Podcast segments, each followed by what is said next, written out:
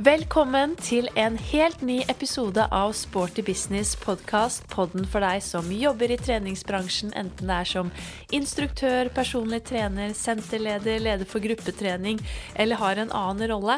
Eller for deg som bare ønsker å holde deg oppdatert innen det seneste innen trening og helse. Jeg heter Ea Katrine og driver Inspartum Akademi, som står bak denne podkasten, og jeg gleder meg som alltid til å dele en ny episode med deg med et spennende tema. Vi prøver jo å dekke så mange ulike tema som mulig, og tema som er relevante for alle dere i bransjen. Og vårt mål med denne podden er jo at uh, dere alle skal høre alle episodene, sånn at vi kan lære av hverandre uavhengig av hvilken rolle vi har. At vi kan få inspirasjon, faglig påfyll, og også få mer forståelse for de ulike rollene i treningsbransjen eller andre ulike roller innen eh, helsebransjen generelt, og at vi også på sikt kan være med å bidra til at vi kan få til et større tverrfaglig samarbeid mellom ulike bransjer. Og der det er behov for et større samarbeid, er jo bl.a. mellom behandlere og treningsbransjen. Og i dag så er det nettopp en eh, behandler jeg har med meg i podden. Det er Mathilde Okkenhaug Pilskog. Hun er fysioterapeut, jobber også som yogalærer og har jobbet i treningsbransjen i mange år tidligere. Men nå er hun først og fremst behandler og har startet eh, en egen klinikk innen kvinnehelse i Asker. Så det er det vi skal dypdykke litt ekstra ned i dag, nemlig kvinnehelse. For hva er egentlig kvinnehelse? Hvordan definerer vi det? Og hvorfor er det så viktig at vi trenger et eget helsebegrep om nettopp dette? Og er det bare snakk om kvinner eh, under og etter graviditet, eller hva rommer egentlig dette begrepet? Og hva kan vi i bransjen bli flinkere til å legge til rette for når vi snakker kvinnehelse? Dette får du svar på i dagens episode av Mathilde, som er ekstremt dyktig og ikke minst har et helt enormt engasjement for alle kvinners helse, så her er det bare å glede seg til en ordentlig lærerik prat. Hjertelig velkommen til Sporty business, eh, Mathilde. Det er så hyggelig å være på besøk i deres nye, freshe eh, lokaler på Billingstad i Asker. Asker kvinnehelse. Ja, tusen takk for at jeg får lov å være her, eh, og at du ville komme til oss og se på lokalene. Mm. Veldig gøy å se hva dere har fått til. Dere åpnet jo i fjor. Jeg har ikke mm. hatt uh, mulighet til å være her uh, og titte rundt uh, før nå, men kjempestas å se, så det er veldig kult. Jeg heier jo på alle gründere som tør å satse på drømmen, så det er veldig kult. Men kan du ikke fortelle litt til lytterne hvem du er og hva du jobber med? Jo, eh, jeg heter Mathilde Pilskog. Jeg er kvinnehelsefysioterapeut, og så er jeg instruktør også. For det meste i dag yogainstruktør. Eh, men jeg er også PT og har vært trener på mange ulike sett tidligere. Eh, jeg driver Instagram-konto at kvinnehelse-fysio, hvor jeg deler veldig mye om kvinnehelse. Jeg har hatt en podkast selv som jeg håper å ta opp igjen. Jeg skriver litt fagartikler. Jeg gjør mye forskjellig, egentlig. Jeg holder kurs da, i trening før og etter svangerskap. Mm. Mm. Så her kan vi slenge inn en slenge liten egen reklame, for du holder jo kurs for Inspartum Akademi. Yes. Ja. Um, ja. Eh, og så driver jeg da eh, Asker kvinnehelse, som jeg startet med Line Wittersjø. Så eh, vi holder til eh, rett utenfor Oslo, og det er kort vei fra Oslo. Det har vi diskutert ja. her, men det går kjempekjapt å komme seg hit. Ja. ja. det snakket vi om før vi trykket på record her, at det er overraskende kort å komme seg ut hit. Jeg også tenkte sånn Billingstad, Asker, ja det er jo litt utenfor Oslo. Men eh, ja, jeg tror jeg brukte knappe 15 minutter fra Ullevål, så ja. det er eh, veldig enkelt å komme seg hit. Mm. Mm. Det er det. Så ja, jeg er jo fra Asker, så det er derfor vi startet her. Og det er tverrfaglig klinikk, da, så vi har 13 eh, personer som jobber her nå. Og det er stadig økende med alt av fysioterapeut, kiropraktor, osteopat, psykolog, gynekolog, jordmødre, ja, sexolog, ernæring, trenere Altså, ja. Vi har alt. Det meste innenfor kvinnehelse. Mm, mm. Fantastisk. Eh, kan du fortelle litt om hvordan oppstarten har vært, eller hvordan egentlig ideen kom til? Uh, ideen kom til var fordi at jeg ønsket å ha flere fagpersoner rundt meg uh, til som jeg kunne spare med. Uh, og så hadde, var jeg også trener på noen steder og i klinikk andre steder. Jeg ønsket å samle alt. Så det er litt vanskelig da, å finne et lokale hvor du både kan ha trening og klinikk og ha råd til å starte det opp. så det var en litt sånn prosess der. Jeg fikk jo med meg Line, eh, så det var kjempebra. Uten henne så hadde det jo aldri gått. Så vi har da ja, startet opp her i oktober. Eh, og det har gått veldig fort i svingene. Vi begynte planleggingen i juni og startet opp i oktober. Ja. Liker å gjøre ting litt kjapt. Um, men det er kjempegøy. Uh, det er akkurat dette her jeg har lyst til å drive med. Jeg er veldig sånn gründerhjerne og har lyst til å utvikle ting hele tida. Mm. Så mm, kjempegøy. Ja. Hvordan ser hverdagen din ut her i dag nå, da? Eh, kaotisk. Eh, jeg har ca. 50% i klinikk, og så har jeg noen gruppetimer. Og så eh, har jeg vel 150 admin ved siden av det. Ja. så det er mye som skjer. Mm. Sånn er det å drive selv. Ja. ja. Og akkurat eh, i dag så driver du og pakker opp eh, uniformer som eh, mulig blir ja, den nye arbeids, arbeidsklærne. Ja, ja, ja. Så nå skal jeg sortere og sende tilbake det vi ikke trenger. Og, ja. Mm. ja. Så arbeidsdagen rommer mye forskjellig. Om det gjør. Ja. ja. Mm. Men hvilket forhold, er, eller hvilket eh, forhold har du til treningsbransjen selv, da? Eh, ganske lang forhold, egentlig. Jeg drev med friidrett da jeg var yngre, så det er vel egentlig sånn sett jeg begynte å trene. Jeg Drev aktivt med det, og så fikk jeg skade i kneet, som veldig mange andre gjør. Og da endte jeg opp på Leksia den gang. Eh, og jeg trente der både i sal og, og på gruppetimer. Uh, det var sånn jeg oppdaget yoga, for det fikk jeg jo til. Fikk mm. jo ikke til så veldig mye annet pga. det der dustete kneet. Og så um, ble jeg instruktør der, men da for barn. Så jeg begynte å jobbe hos Elexia jeg var vel 17 år, tror jeg. 17, mm. Som instruktør hadde gruppetimer for barn sånn på lørdagsmorgen mens eh, mor var Eller eller far, var i andre salen og trente selv. Mm. Så mm, det var sånn det begynte. Og så har det bare ballet på seg. Mm. mm. Men hvilke gruppetimer er det dere tilbyr her på Aske kvinnehelse nå, da?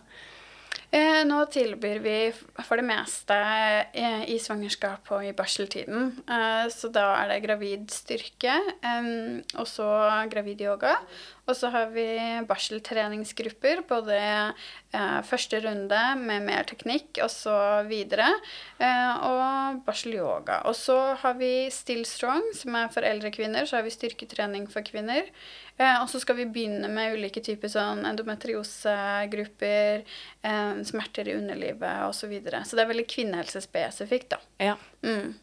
Og det er jo tema også i mm. dagens pod. Og som du nevner, ja, din Instagram omhandler jo kvinnehelse, og nå mm. har du startet Asker kvinnehelse, så alle skjønner jo at det er jo Kall det din store lidenskap, eller det du virkelig eh, trives å, og jobbe med og ønsker å løfte frem. Og det har mm. jo blitt stadig mer fokus på kvinnehelse de siste årene, vil jeg si, og det har blitt et begrep som de fleste eh, kjenner til. Men kan du ikke si litt om hva kvinnehelse er, og hvorfor vi egentlig trenger et eget helsebegrep for nettopp det?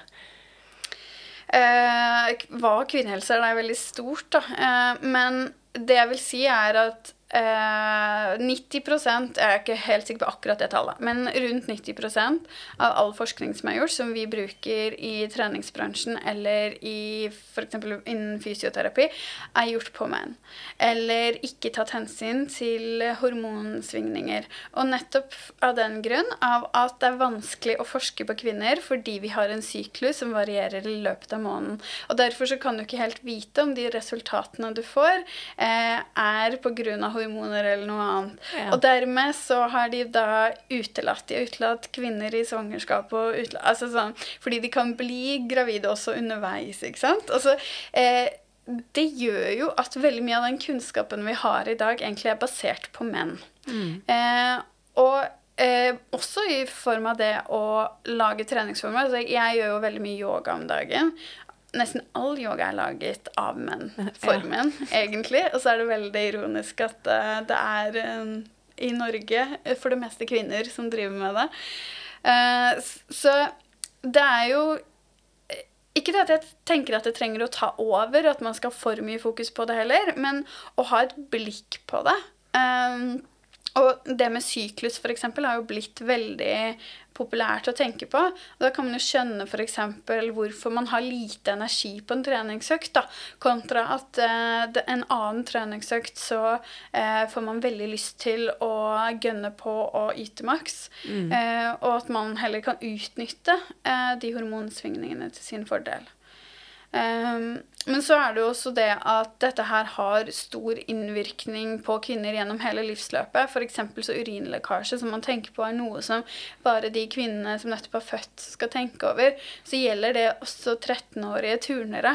Eh, og dette er en av de største årsakene til at unge jenter slutter å trene.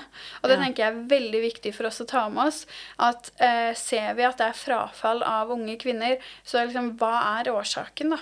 Fordi kan, kunne vi ha plukket opp disse her eh, og hjulpet de på noen måte tidligere, så kanskje de kunne vært i treningsbransjen lengre. Mens jeg møter mange kvinner eh, som er ganske godt voksne, som ikke har trent siden de var 16 fordi de har lekket siden da. Ja. Og det tenker jeg er en sånn veldig viktig ting å ta med seg også. At det handler ikke bare om syklus og opptrening etter svangerskap, men det handler også om eh, hvordan vi kan tilrettelegge trening gjennom hele livet til en jente eller kvinne. Mm, absolutt. Men er det tema innen eh, kvinnehelse, kvinnehelsen i dag du fortsatt syns vi snakker altfor lite om? Uh, kan egentlig være det jeg snakket om nå, da. Ja. For jeg tror det gjelder så mange. Ehm, så jeg tror det er liksom kanskje noe av det jeg ville tatt uh, fram først. Uh, mm, fremfall også. Uh, ja. Mm. Og fremfall er, for de som ikke vet. Ja, det er at man har litt svakheter i kjedeveggen som gjør at kjedeveggen enten mot blæra, livmoren eller endetarmen synker litt ned. Så du kjenner et sånn nedpress i underlivet. Og det kan man kjenne når man trener. Så det er også en, årsak til at mange slutter å trene. Ja, Mm. ikke sant? Det var enkelt forklart. Ja. Litt mer komplisert enn det. Men eh, det er ikke farlig å trene med, men det gjør at mange slutter. Og så Mm. er det jo det med mensen også, endometriose f.eks., som også mange har. Eh, at eh, det er en helt gyldig årsak å ikke være med på trening når man har mensen, kontra i hvert fall sånn jeg opplevde, at det var liksom man så ned på de jentene som brukte mensen som unnskyldning på ungdomsskole og videregående f.eks. Ja. Det vil jeg si det er helt reelt. Mm. Eh, og det å sørge for at de får muligheten til å komme tilbake og heller støtte de når de ikke har mensen. Altså legge til rette for det. Ja. Eh, det er viktig, altså. Mm. For mange av de forsvinner også. Ikke sant? Mm. Mm. Det er jo viktig for treningsbransjen å kunne tilrettelegge for alle mulige kundegrupper, og jeg tenker da spesielt eh, kvinner som er gravide, og da etter også svangerskap, er jo en utrolig viktig kundegruppe, og flere og flere blir jo, eh, eller har jo blitt flinkere til å tilrettelegge for nettopp den gruppen, og har egne gruppetimer f.eks. Men hvordan syns du treningsbransjen løser eh, akkurat det i dag, og det tilbudet vi har for kvinner både før og eller under og etter eh, svangerskap? Jeg, tenker at det er litt lite kunnskap der ute, eh, dessverre. Eh, for jeg får veldig mange kvinner på mitt kontor som har blitt verre etter fødsel fordi at de har gått i gang og trent. Og det er ikke nødvendigvis sånn at de har trent på hvilken som helst time. De kan ha trent på eh, liksom en mamma bootcamp-time på en måte etter fødsel. Ja. Eh, og blitt verre. Eh, så her tenker jeg at vi må eh, få økt kunnskap på de som holder disse timene. At de forstår eh, hva den kvinnen har gått igjennom, rett og slett, og mekanismene bak. Um, så jeg, jeg håper at det blir litt mer sånn struktur på det der, at det ikke er hvem som helst. Det er ikke sånn at bare man har født heller, så eh, er man på en måte ekspert. Du må også gå kursene og uh, lære deg om bakgrunnen, fordi vi er alle så forskjellige. Det er forskjellig å føde med keisersnitt, og det er forskjellig å eh, føde med instrumenter, og noen har ikke fått trent gjennom hele svangerskap, mens andre trente helt fram til fødsel. Altså det er så mm ulike utgangspunkt, da. Så vi ja. kan ikke si at alle er like. Nei. Rett og slett. Mm. Har du noen tanker om Én ting er utdanning og kunnskap, men har du noen andre tanker som bransjen kan gjøre for å tilrettelegge bedre for f.eks. denne gruppen? Um, jeg vet ikke. Altså uh, Ja, altså det blir jo det å legge opp også at man har sånne timer, da. Uh, at det er noe um, tilgang på dem. At det tilrettelegges i lokalene for å kunne ta med seg baby mm. uh, og for å kunne amme, og at det er OK. Um, stellebord på do, f.eks.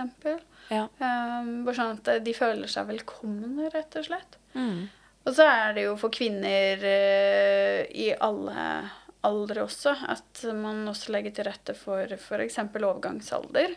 Eh, at man forstår hvilke symptomer kvinnen går gjennom da også. Mm. Dette er jo en av de største gruppene på treningssentrene. er kvinner i overgangsalder eller i perimenopause, som er årene før overgangsalder også. Eh, og de vil vi beholde og støtte. Eh, mm. ja. Så det også er eh, sånn tips til instruksjon. Eller sånn der uh, instruktørutdanning. Eh, eh, ja, og ta med det også. Mm. Ja, absolutt. Ja, mm. for det er som du sier, det handler jo om ja, utdanning og kunnskap. For det, mm. for det, er jo ikke noe vi har i en vanlig PT-utdannelse eller instruktørutdannelse i, i, dag. Så jeg tenker at det trenger man jo mm. ekstra kunnskap om for å kunne opp, følge opp dem på en god måte. Men kan du si litt om hva PT-er f.eks. eller instruktører bør være ekstra oppmerksomme på da, i møte med spesielt kvinner som har født, med tanke på trening og disse gruppetimene? Mm. For det første at hun har kommet seg godt nok etter uh, fødsel. Uh, seks uker er ikke en magisk grense hvor plutselig alt er bra. Uh, bekkenbunnen blir strukket 300% i løpet av en vaginal fødsel. Det skal gå tilbake. Ved seks uker skal den gått tilbake 50 Sånn at uansett hvor sprek kvinnen har vært i forkant, så betyr det at bekkenbunnen ikke er tilbake der den var. Og de trenger ofte lengre tid enn seks uker. Så ja, de kan komme på trening, men starte liksom på grad én. Start på scratch, liksom. Altså, og bygg rolig opp igjen. Tenk på det som en idrettsskade. Mm. Sånn at eh, Hvis du har grupper som er drop-in, f.eks., hvor eh, både de som eh, er ni måneder etter fødsel, og de som er seks uker etter fødsel, er på, så eh, si til de at de ikke skal gjøre de variantene av øvelsen som de andre gjør, f.eks. Eh, altså, tilrettelegg der. Fordi det kommer altfor mange som lekker i ettertid og får fremfall i ettertid. Um, og symptomene syns ofte ikke i starten uansett. De kommer på første trening, eller de kommer etter fire måneder, syv måneder. Ja. Uh, fordi da er uh, bindevev og muskulatur og sånn så slitent at uh, ja, det ikke holder. Så det er ikke nødvendigvis sånn at du ser symptomene med en gang. Og det er litt skummelt, for det er sånn Kjenn etter på kroppen. Så er det bare sånn Hva skal jeg kjenne etter? Og det med at du faktisk kan få symptomer flere måneder etterpå, gjør at det også kan være vanskelig å vite. Mm. Mm. Så um, jeg vil ikke at folk skal bli redde for å ha disse timene. Eh, men jeg vil at de skal ha litt kunnskap om det, sånn at de kan tilrettelegge bedre. Og har man ikke nok kunnskap, send de til noen den på senteret som har mest kunnskap, da. Mm. Absolutt. Men det er jo veldig lett å tenke på alle kvinner som har født og opptreningen i etterkant, og det snakkes jo også ganske mm. mye om, egentlig, også i sosiale medier generelt nå. Men så er det jo sånn at vi på treningssenteret møter jo også alle disse kvinnene underveis i svangerskapet. Mm. Og jeg har stadig fått uh, deltakere som kommer bort til meg og spør sånn Ja, jeg er så så langt på vei, er det noe jeg bør ta hensyn til, eller er det noe jeg bør passe på, f.eks., og så spør de meg. Uh, og jeg tenker at det er nok mange instruktører, også PT-er, som opplever. Uh, kan du si noe om er det noe vi bør tenke på sånn spesielt med tanke på første, andre, tredje trimester? Er det generelle anbefalinger? Er det noe vi bør være ekstra oppmerksomme på? Um, jeg tenker sånn eh, Det går an å være obs på risikofaktorer. Ofte så vet den gravide det selv. Eh, men eh, ja Tvillingsvangerskap er jo f.eks. et risikosvangerskap. Altså at man legger til rette litt i forhold til det.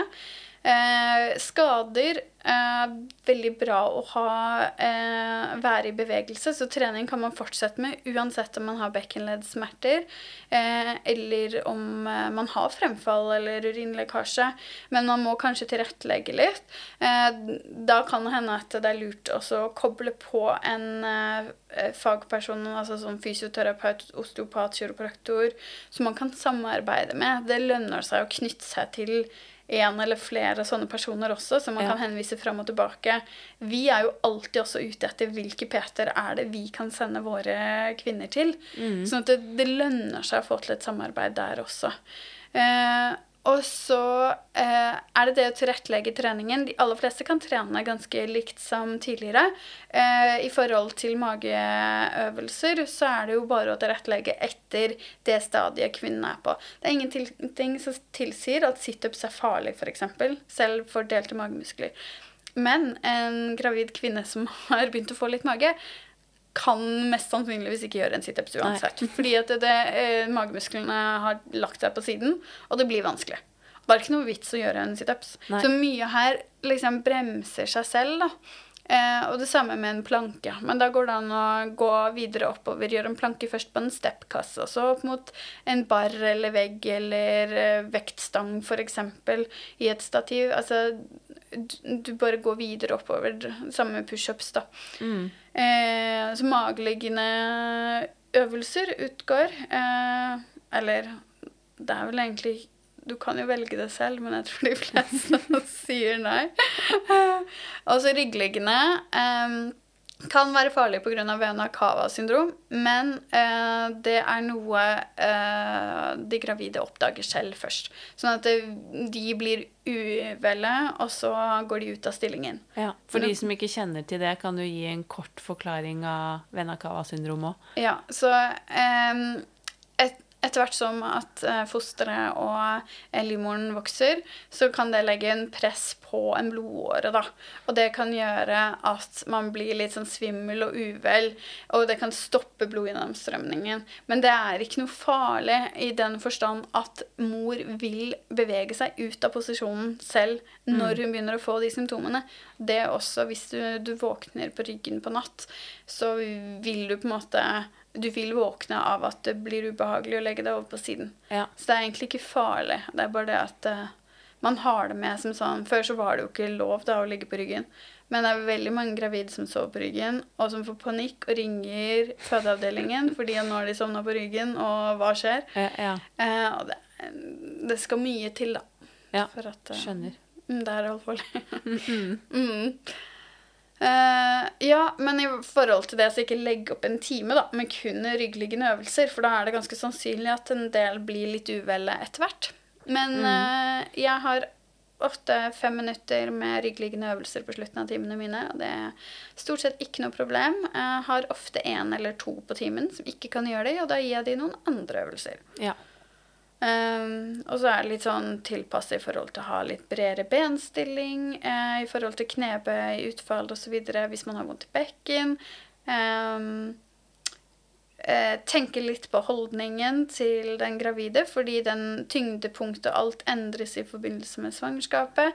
Så at uh, når man instruerer og ser på teknikk, så må man også ta det inn som utgangspunkt. De får større kurvatur, altså mer svai i ryggen. Det er helt naturlig. Så vi kan ikke presse den flat heller. Eh, men eh, det jeg pleier å si, er å klemme babyen inn mot ryggen. Det er en fin måte å koble på magen eh, og sørge for at de har den kobla på uten at de driver og presser for mye. Mm. Men er det noen sånne helt, eh, hva skal jeg si, don'ts? eh, Enten eh, under svangerskap eller etter? Eller er det nå egentlig du kan gjøre alt, men med tilpasninger? Altså Idretter eller treningsformer hvor du kan få slag mot magen eller falle på magen, er typisk sånn at man bør være forsiktig med. Eh, samtidig så kjenner jeg noen proffe ryttere som da har valgt å ri rolig i tiden etterpå. Eh, nei, i tiden mens de har vært gravide. Eh, og eh, så jeg har vært to, Dette her er ikke noe sånn det er forskning, det her er bare hva jeg har observert. Da. Eh, men de begge to har ridd e- ett eh, svangerskap, og så det andre har de vært dårlig. Så da har de ikke ridd. Og de var mye bedre i bekken og eh, bekkenbunn og alt, altså smertemessig og styrkemessig, når de red, kontra når de ikke red.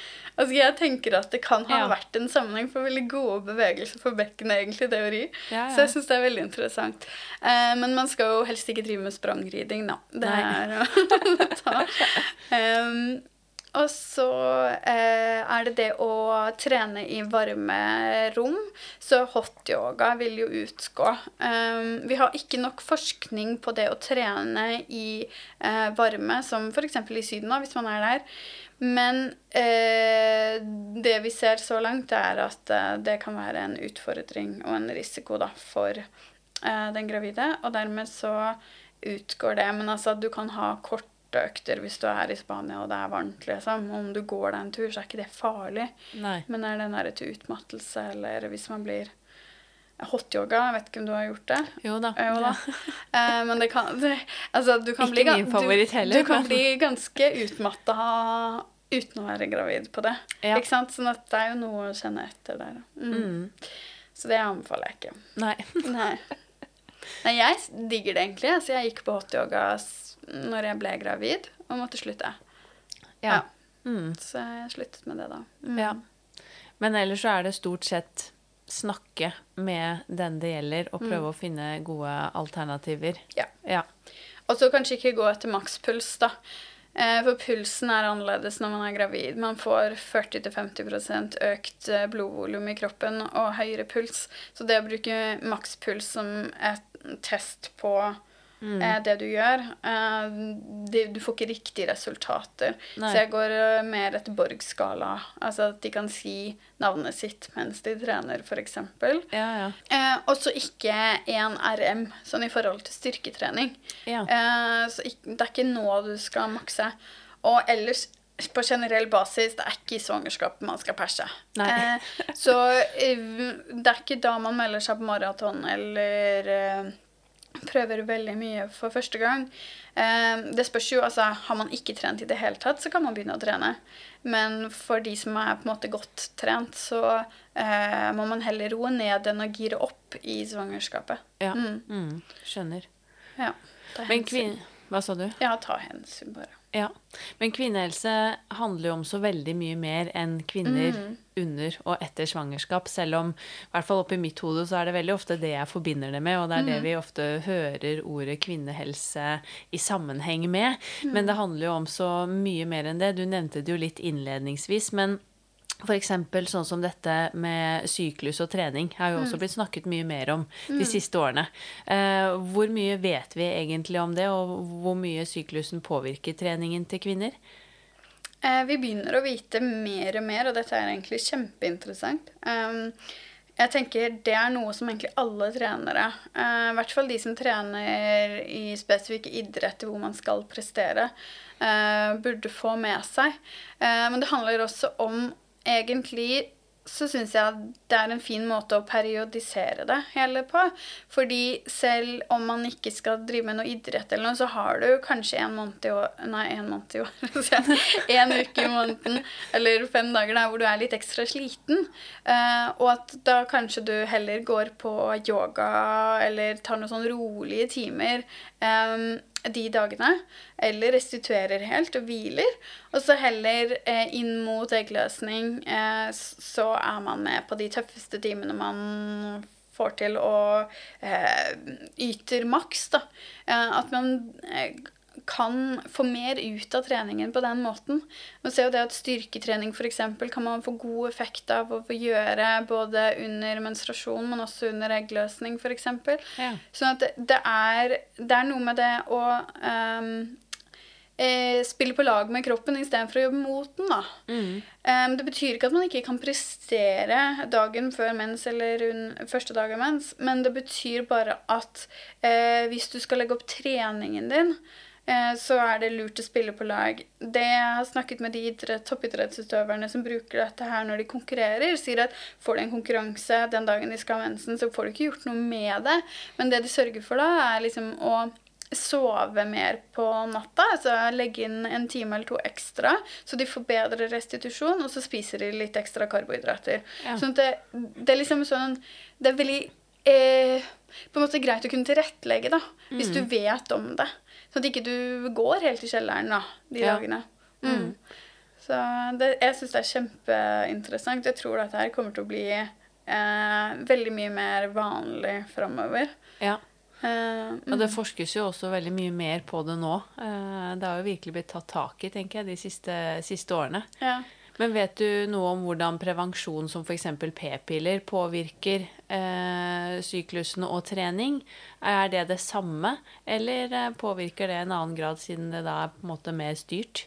Uh, du har på en måte egentlig ikke en naturlig syklus. Samtidig så opplever jeg at flere sier at de nesten har den syklusen sammen med uh, den falske syklusen, hvis man skal kalle det det. At det er jo veldig mange som kjenner seg at de er litt ekstra slitne før de skal få mens selv på en, på en måte falsk syklus. Mm. Så, eh, og så er det det at vi kanskje vi har godt av da, å ta noen dager med ro også. Eh, at man kan legge det opp på den måten. Altså Man tenker heller at ja, da bygger jeg meg opp så jeg kan yte maks på andre dager likevel. Mm. Hvis man ikke kjenner sånn spesifikt til det. Mm. Ja.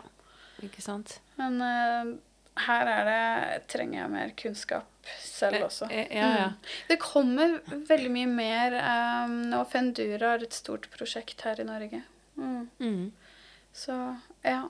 Og så tenker jeg å si også det i forhold til um, skader og plager. fordi det er jo sånn Vi ser jo økt forekomst av korsbåndskader eh, ved eggløsning, f.eks. hos håndballspillere.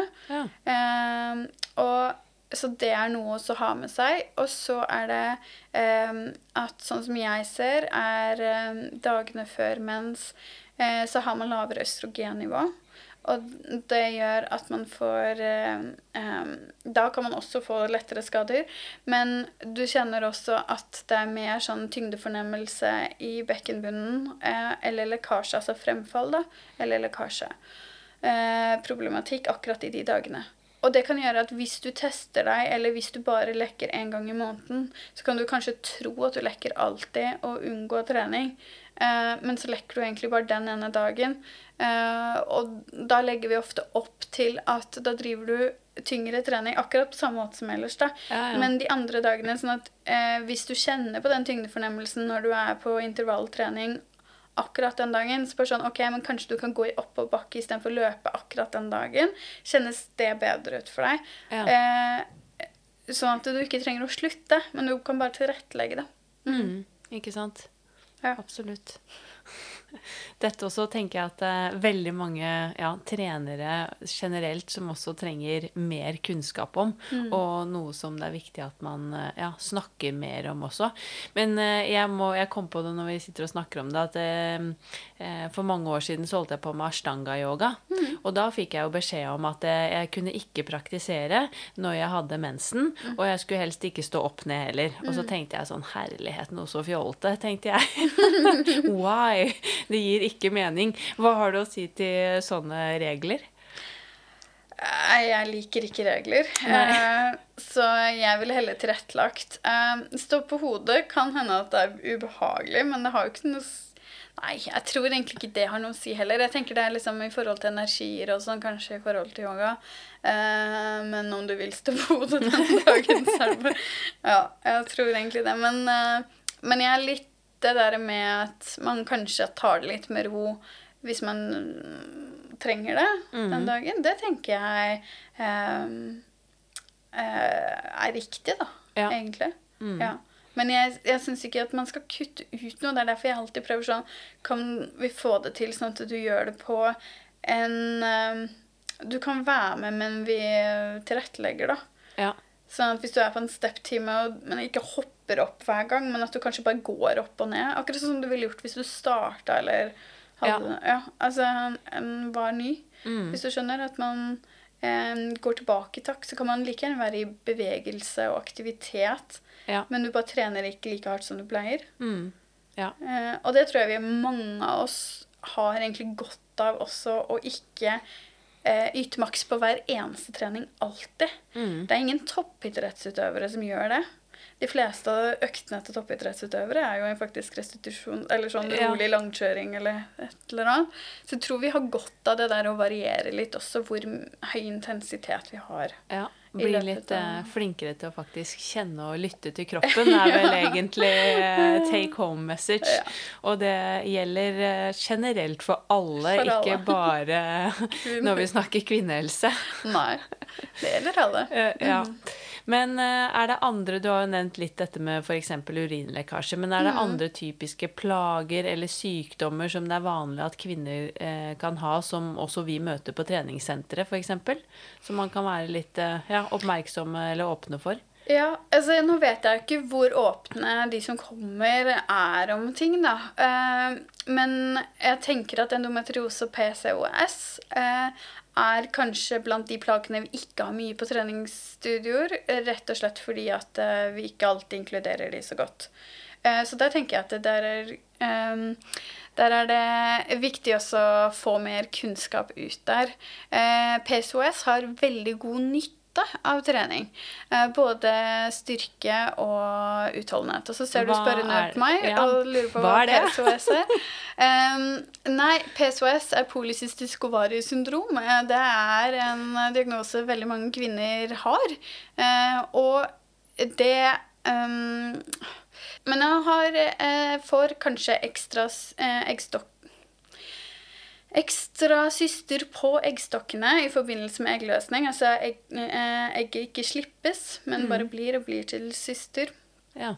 Eh, og så eh, har man ofte lang syklus, eh, så man kan ha liksom 80 dager mellom hver mensen istedenfor 30 f.eks. Eh, og dette her er assosiert med eh, overvekt og eh, hårvekst f.eks. Eh, disse kvinnene kan ikke slanke seg nødvendigvis. Det fins blant veldig mange tynne også, så dette her er ikke utelukkende overvektige, men det er, vel, det er en hormonell ubalanse her Ja. eh, som gjør at de legger på seg. Og, og at de har den diagnosen. Eh, og så Det vi begynner å se nå, er at flere klarer å balansere disse hormonene bedre ved trening. Eh, kosthold er også inkludert her. Jeg skal ikke gå inn på spesifikt på alt dette, for det blir for mye. Men eh, de kan ha veldig god effekt av styrketrening og utholdenhetstrening. ja. Og det er jo en veldig viktig ting som vi burde hjelpe de med. Så kommer de inn Hvis du er PT da, og du skal hjelpe en overvektig kvinne som kanskje har PSOS, det går an å spørre har du noen tilleggssykdommer. Høre, er det det?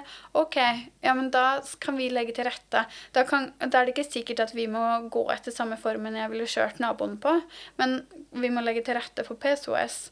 Eh, og veldig mange har blitt bedre. Jeg kjenner en som har eh, da eh, fått eh, regelmessig mensen igjen, ikke ekstra syster, eh, og klarer å holde vekta veldig fint Ja. ved hjelp av eh, bare at hun begynte med styrketrening og utholdenhet. Det var det måte hun gjorde annerledes. da. ja. Og så litt kosthold. Men, Så dette her er jo veldig interessant og liksom nyttig å vite. Eh, og at det ikke liksom Jeg tror vi det hele den der overvektsdebatten om bare bare kjør på, så går alt bedre, liksom. Ja, og Eh, man sier jo ofte, eller i hvert fall så har jeg jo hørt mange ganger, ja, men det, handler, det er bare et regnestykke. Det handler bare om hvor, ja, hvor mye du putter inn, og hvor mye du forbruker, og at det er liksom et enkelt regnestykke, men det er jo ikke det. Det er bare bullshit. Rett og slett. Og det er kanskje noe av det vi ikke har tatt inn over oss nok i forhold til vektnedgang. Og dette er jo noe vi jobber mye med, mange av oss på treningssenteret. Vi har, folk- får folk inn som vil gå ned i vekt. Og det der å se ok, det er et større bilde enn bare hva man putter inn og hva som går ut. Fordi det er veldig mange av de som er overvektige, som spiser halvparten av det jeg gjør i løpet av en dag, og likevel legger på seg. Og det, så det Vi må slutte med det der kalorien og ute-greiene, altså. Ja. Det, ja. Kan hende funke for noen få, men det, jeg tror vi må heller se, se mer individet, faktisk. Mm. Ja. Mm. Yes. Du nevnte endometriose også. Ja. Og da tenkte jeg Det er eh, Altså det gjøres det mye forskning på akkurat nå. Jeg har ikke helt noe å si de resultatene som er kommet der ennå. Men jeg kan vel si at uh, treninga er bra for endometriose også. Ja. Eh, men det er typisk de som har veldig sterke mensenplager, som eh, har ett nattbind, én tampong eh, og en tampong, kanskje to tamponger, for å si sånn, av største størrelse når de er på trening, og likevel så blør de gjennom. Ja. Eh, og det, det er de som eh, sa at de ikke kunne trene i gymmen på ungdomsskolen, eh, og som ble leda. Og det er helt reelt. De har sterke smerter også, i tillegg til at de blør heftig mye. Og eh, jeg tenker det derre å få de inn, egentlig eh, Det jeg vet ikke helt hvordan man skal gjøre det på en bra måte, men det er eh, Det er viktig at vi tar vare på de. Det er en tiendedel av alle norske kvinner som har dette her. Eh, og det er ganske mange som eh, kanskje er inaktive. Man, de aller fleste av de er inaktive. Ja. Eh, så det er faktisk noe å virkelig prøve å legge til rette for. Og så kan vi diskutere hvordan vi skal gjøre det, for dette der har ikke jeg noe veldig godt svar. Eh, vi tenker å kjøre endometrio eh, endometriosegrupper her nå fremover eh, for å gjøre det litt sånn lav terskel, fordi det er mange av de som ikke kan komme noen ganger i måneden og syns det er ubehagelig. Eh, at de er i en gruppe med andre i samme situasjon. Eh, men jeg er helt sikker på at det er veldig mange som kunne trent helt eh, normalt i, på en vanlig gruppetime også. Ja, og så tenker jeg at det er jo så mye annet. Det hjelper jo å snakke om det. Sånn at folk ikke føler at dette gjelder bare meg, eller at man er alene, men at det er faktisk ganske vanlig, og at mange har det. Og at, ja, at man tør å snakke om det, hjelper jo også. Mm, virkelig. Men eh, hvis et treningssenter f.eks. ønsker å sette mer fokus på nettopp tematikken kvinnehelse på sitt senter, har du noen tips eh, til enkle eller eh, ja, mm, verdifulle aktiviteter eller noe de kan gjøre for å fremme dette på senteret? Eh, sende instruktører på kurs i ulike ting. Det var kvinnehelsekonferanse nå i helgen. Så, det var noen eh, PT-er der Ja. som jeg snakket med, men eh, det var for det meste behandlere. Sånn at jeg tenker at her går det an å eh, snakke mer sammen, skape nettverk med de områder rundt som også jobber med kvinnehelse. Um, og det går det an å få inn. Kanskje det er noen som kan komme, en fysioterapeut som jobber med kvinnehelse, som kan komme inn og ha en, enkelte grupper eller temadager med eh, treningssentre også. Eh, og så går det an å vise eh, at man eh, Ja, vise at man eh, bryr seg om kvinnehelse. Men man må gjøre det ordentlig. Det må ikke bare være sånne slagord som man slenger ut, og så gjør man egentlig ikke noe for det. For det er veldig sånn jeg vet ikke, greenwashing på en måte. At man bare Ja, ja. slenger ut ord, og så gjør man egentlig ikke noe spesielt med det. Mm. Jeg føler at da kan man like gjerne la være. Ja. Så man må gjøre litt ordentlig.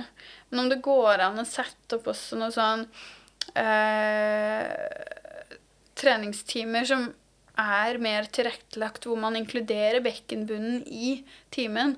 Eh, F.eks. hvis man har en sånn time for og rundt kvinner eh, fra 45 til 60 f.eks. Man blir Mm. veldig spesifikk. Men det er de som begynner å gå inn i overgangsalder og er i overgangsalder. Eh, at i de timene så er det mye fokus på eh, å styrke bekkenbunnen også, f.eks. Jeg Mm. burde egentlig vært inkludert i alle timer, for å være ærlig. Eh, Ja. ja, du burde det, og det også. det kommer ikke til å skje. Nei, men jeg tror mange kan bli flinkere til å gjøre det, og spesielt i sånne type core-timer som man ofte kaller det i treningsbransjen. Da er det jo perfekt å kunne legge det inn, men det Mm. også føler jeg har vært litt Ja, det skorter nok både på kunnskap, altså hvordan legge opp Mm. egentlig trening for det, og så kanskje mange som kvier seg for å snakke om det. Også, ja, hvis man er unge, eller kanskje man føler seg litt ukomfortable med det i instruktørrollen, og spesielt hvis man ikke har, føler at man har fagkunnskapen og tyngden bak, da, Mm. så er det vanskeligere å guide det og, så, og gjøre det på en god måte, føler jeg, enn hvis du faktisk har eh, god kursing og utdanning, så du føler at du kan stå trygt i det. Mm. Og det tenker jeg er helt riktig. Og så tenker jeg at man bør gjøre det og snakke, si det høyt noen ganger. Men jeg tenker på sånn øh, Jeg skulle hatt de tallene foran meg, men i, i, i forbindelse med crossfit f.eks., i double unders, så er det vel 70% som lekker. Og det er ikke bare kvinnene, det er også mennene. Ja. Og eh, det samme gjelder turn og styrkeløft. Og jeg tenker at eh, det er såpass mange at nesten hele salen her egentlig har problemer med det. Mm. Det vil si at om du sier noen ting om det, så hjelper det veldig mange. Eh, Hvis du tar bare, så hvis du sier noe om det, tar den. Ja, så hvis du sier noe om det, altså instruerer godt, så hjelper du antageligvis veldig mange mer. Og eh, når du sier det høyt også, så normaliserer du det og gjør at de kanskje skjønner at ok, dette her kan jeg gjøre noe med. Uh, dette er ikke noe jeg trenger å skamme meg over.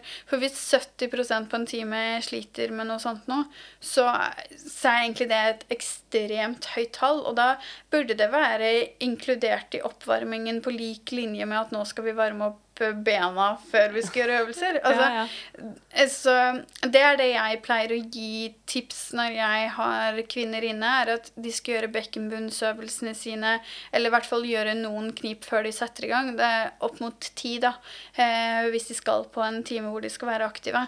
Og da får de ulike tøyeposisjoner, så de står på sidelinjene rundt omkring i disse salene og gjør det for seg selv, og så ser det ut som de egentlig tøyer eller varmer opp. ja, ja. Eh, og her tenker jeg at da kunne vi like gjerne egentlig inkludert alle sammen og gjort det sammen. ja. Um, tror jeg, Da hadde folk sluttet å føle seg utafor, fordi det gjelder så mange flere enn vi tror. Mm. Eh, og så selv om det ikke du lekker den ene dagen, så kan det hende at du begynner med det om to måneder. sånn at du, du vet aldri, liksom. Nei. Fremfall og urinlekkasje ikke noe som bare gjelder de som er født. Nei. Eh, ja, så Ja, snakke om det og ufarliggjøre det. Og som yep. du nevnte, det å ha temadager eller invitere behandlere, fysioterapeuter, andre inn på senteret i forbindelse med da en temadag, så kan jo det også være kanskje en inngang for noen som har spørsmål, eller som kvier seg for noe, at det kan være en trygg arena på treningssenter hvor du allerede går, og så komme i kontakt med f.eks. behandlere eller andre som kan hjelpe deg videre, da. Så det kan jo også være en veldig fin eh, inngang. Vi nevnte jo innledningsvis litt egenreklame, for du holder jo kurs for Inspartum Akademi, Ja. og vi skal jo i gang med nytt kurs også i april. Online-kurs. Eh, 22. april.